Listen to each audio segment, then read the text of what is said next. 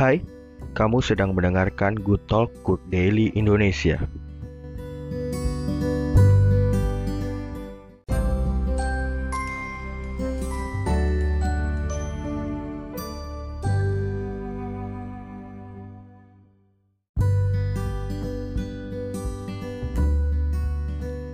Beberapa hari yang lalu, saya sempat diskusi dengan teman saya tentang Tuan Krebs, ya, pengusaha sukses dari Bikini Bottom. Uh, sampai hari ini, saya heran ya, kenapa dia nggak mau ekspansi usahanya gitu ya, buka kredit peti di daratan ya, kan lumayan nambah cuan. Kita tahu bahwa Tuan Krebs itu suka dengan cuan. Ya sekaligus makhluk hidup itu bisa menikmati, eh sorry kok makhluk hidup ya, uh, sekaligus makhluk daratan itu bisa menikmati Krabby Patty buatan SpongeBob gitu ya kita kepengen tahu sih seenak apa sih Krabby Patty-nya itu tuh ya sampai sampai plankton aja mau nyuri resep rahasianya gitu ya. Oke sip. Kita nggak lanjut ke situ kita mau bahas soal kepiting gitu ya.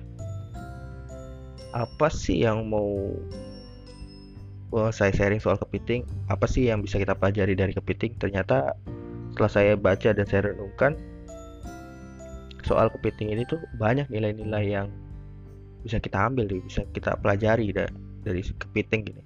Kepiting ini sering sekali dijadikan uh, ilustrasi oleh motivator-motivator gitu ya. Uh, saya pernah lihat uh, Meridiana tuh membawa satu acaranya itu dia pernah mention soal kepiting ini. Uh, mental kepiting gitu dia pernah bahas ini. Nah, saya juga tertarik untuk bahas ini dan tertarik untuk membagikan ini ke teman-teman dari uh, opini saya dan dari apa yang saya pelajari lah tentunya gitu apa yang saya dapatkan gitu tapi di podcast kali ini saya mau membagi beberapa bagian soal kepiting ini. Jadi podcast kali ini yang teman-teman dengar ini bagian pendahuluannya. Nanti di podcast selanjutnya ada hal-hal lagi yang saya mau sharingkan terkait uh, kepiting ini. Oke? Okay?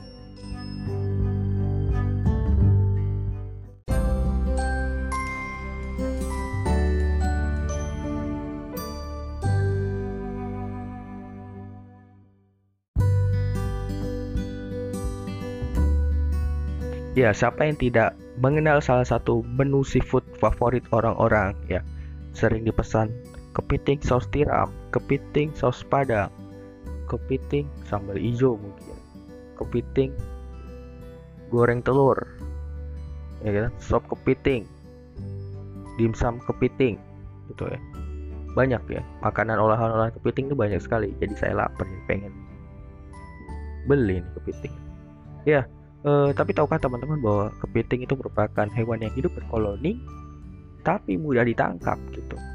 Ya, mudah ditangkap dengan menggunakan crabpot modern mungkin uh, itu perangkap uh, kepiting, trot line atau bahkan bisa uh, cuma menggunakan pancingan sederhana yang bermodal dengan ranting bambu atau bubu. Ini sering dipakai oleh nelayan-nelayan gitu ya. Uh, kita tahu bahwa kepiting itu adalah binatang yang memiliki pertahanan yang sangat kuat ya cukup kuat dengan cangkangnya ya. Cangkangnya keras tuh. E, dan memiliki dua capit yang sangat tajam ya sangat tajam gitu. Bisa menghancurkan dan merobek-robek memotong musuh-musuhnya gitu ya. Bahkan dia bisa merusak batu kapur bisa merusak batu kapur tertentu gitu. Tentu dua capitnya ini yang harusnya sangat mudah untuk memotong anyaman bambu yang menjadi alat nelayan ya untuk menangkap kepiting itu. Tapi kenapa tetap saja kepiting itu mudah ditangkap oleh nelayan? Jebakan-jebakan yang dibuat oleh nelayan selalu berhasil.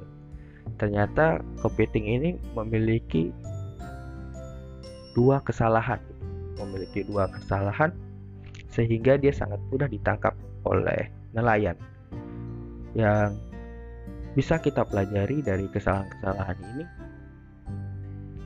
supaya kesalahan-kesalahan ini tidak menghampiri kita di dalam kehidupan nyata. Jadi apakah kesalahan-kesalahan yang dimiliki kepiting itu?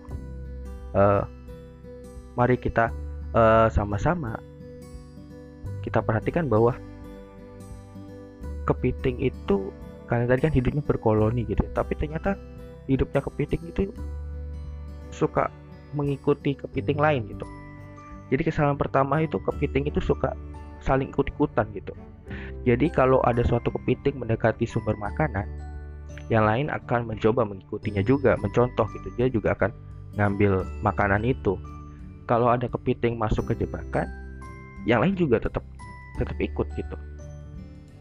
Uh, jadi ini juga salah satu kesalahan kepiting yang digunakan apa ya yang sudah dipelajari oleh nelayan ternyata sehingga nelayan tahu bahwa kepiting ini kuat tapi bodoh gitu kesalahannya ini dipakai buat jadi jadikan celah buat nelayan untuk menangkap kepiting dengan mudah. Yaitu kesalahan pertama tadi itu adalah kepiting itu suka mengikuti kepiting lain gitu. Kemudian kesalahan kedua itu kepiting itu nggak bisa diajak kerjasama. Kepiting itu nggak bisa diajak kerjasama. Seekor kepiting yang masuk jebakan itu akan mudah menghancurkan jebakan. Itu kalau satu. Tapi kalau mereka lebih dari satu, banyak gitu ya, berkelompok gitu, mereka tuh akan diam menunggu. Kalau ada salah satu kepiting yang mencoba untuk keluar dari jebakan, yang lain malah akan menyeretnya menarik gitu ya jadi misalnya kepiting kelompok kepiting gitu ya, masuk dalam satu ember terus ada satu kepiting yang mau naik ke atas gitu ya mau keluar dari ember ternyata ada kepiting di bawahnya itu yang akan menariknya untuk turun ke bawah gitu. Uh, ini yang apa ya yang sering dimention banyak orang bahwa ini disebut mental kepiting gitu. Uh, saling menyeret gitu. Terus ada juga kalau yang dia nekat mau keluar yang lain bahkan menyerangnya gitu. Sangat jahat ya. Jadi mereka tuh nggak boleh jadi mereka ya udah diem aja di tetap di ember itu sampai atau di dalam jebakan itu sampai nelayan memanennya dan memasukkan kepiting itu ke dalam apa ya ke dalam baskom berisi air panas mungkin air mendidih gitu untuk dijadiin sop sop kepiting gitu. Ya uh, dua kesalahan ini mungkin pernah juga kita alami sebagai manusia ya. Dan eh, nggak uh, bisa dipungkiri bahkan kita pernah mengalaminya pernah berada di posisi sebagai kepiting yang bodoh ini atau bahkan kita berada di lingkungan apa ya kepiting-kepitingnya juga berada di lingkungan yang uh, sama seperti yang mentalnya itu mental kepiting yaitu tadi suka menyeret-nyeret orang lain gitu. Uh, yang nggak bisa diajak kerjasama gitu. Atau yang dia nggak punya pendirian cuma bisa ikut-ikutan gitu. Uh, mungkin saya atau teman-teman berada di posisi itu atau sedang berada di lingkungan itu uh, saya tidak tahu mungkin kita bisa sama-sama mengevaluasi apakah kita uh, punya kesalahan seperti kepiting ini nggak sih?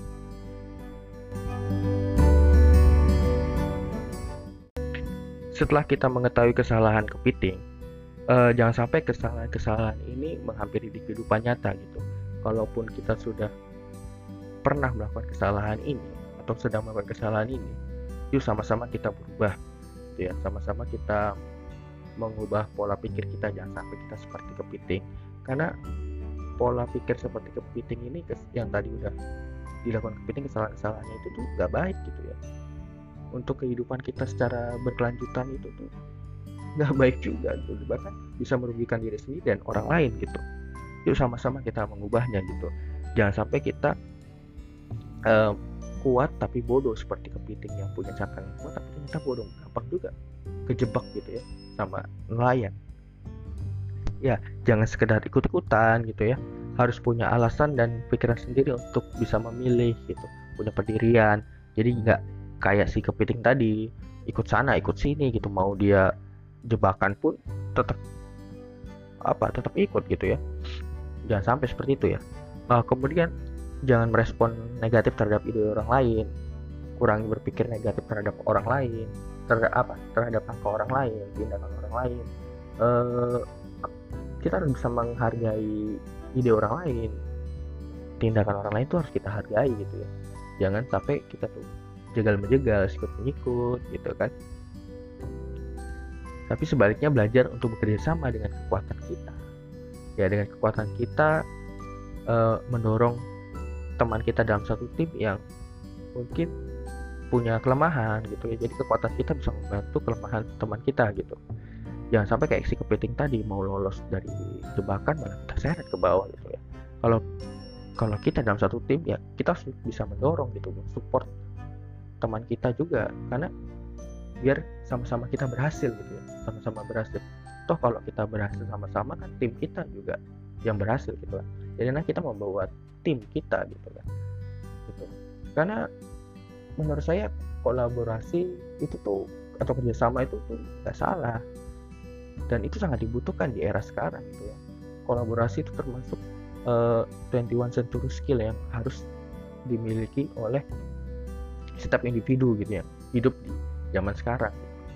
Itu merupakan poin sangat penting karena untuk apa ya untuk menyelesaikan masalah itu dibutuhkan kolaborasi bukan kompetisi gitu.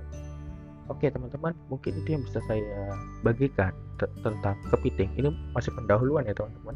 Masih soal ya sekilas uh, mental kepiting itu.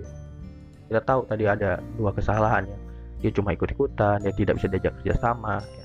uh, saya berharap kita terhindar dari sifat-sifat itu dan kita ber, apa ya jauh-jauh lah dari sifat-sifat itu.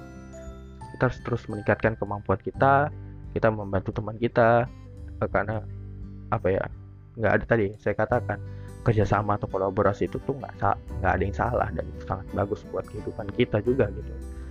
Uh, uh, podcast selanjutnya saya akan membahas juga masih membahas soal kepiting tapi lebih ke apa ya lebih saya mau bahas di sisi lain gitu saya mau bahas soal mungkin iri hati ya. Atau emosi atau apa seperti itu. saya udah udah saya siapkan uh, catatan saya. Nanti mungkin saya akan bagi soal kepiting yang lain lagi gitu ya. Oke teman-teman. Sekian uh, podcast kali ini. Semoga memberkati buat teman-teman dan tetap semangat untuk menjadi yang lebih baik lagi.